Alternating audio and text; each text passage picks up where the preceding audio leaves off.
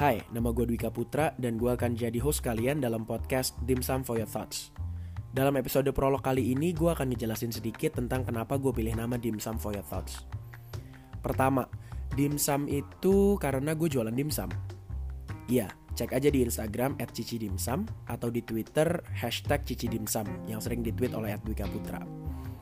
Kedua, makna filosofis dari dimsum menurut gue lumayan banget, keren lah Dimsum itu terjemahan harafiahnya dalam bahasa aslinya artinya adalah touch heart atau bisa juga heart's delight.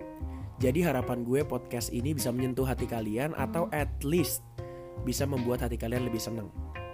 Dengan satu dan lain cara lah, gimana pun caranya itu.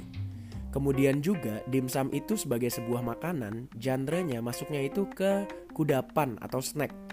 Jadi memang harapan gue podcast ini tuh cukup akan berisi hal-hal yang ringan, yang bisa menjadi pengganjal kalian di antara makanan-makanan berat kalian, kesibukan, kesetresan kalian dengan hal-hal di kantor atau di kampus atau sejenisnya.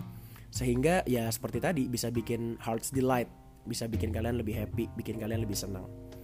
Itu aja yang bisa gue ceritain kali ini. Dan seperti yang gue bilang tadi, ini cuma episode prolog. Hopefully I can still meet you guys on the first episode of Dim Sum for your thoughts. Keep your heart warm and keep your head cool. Bye.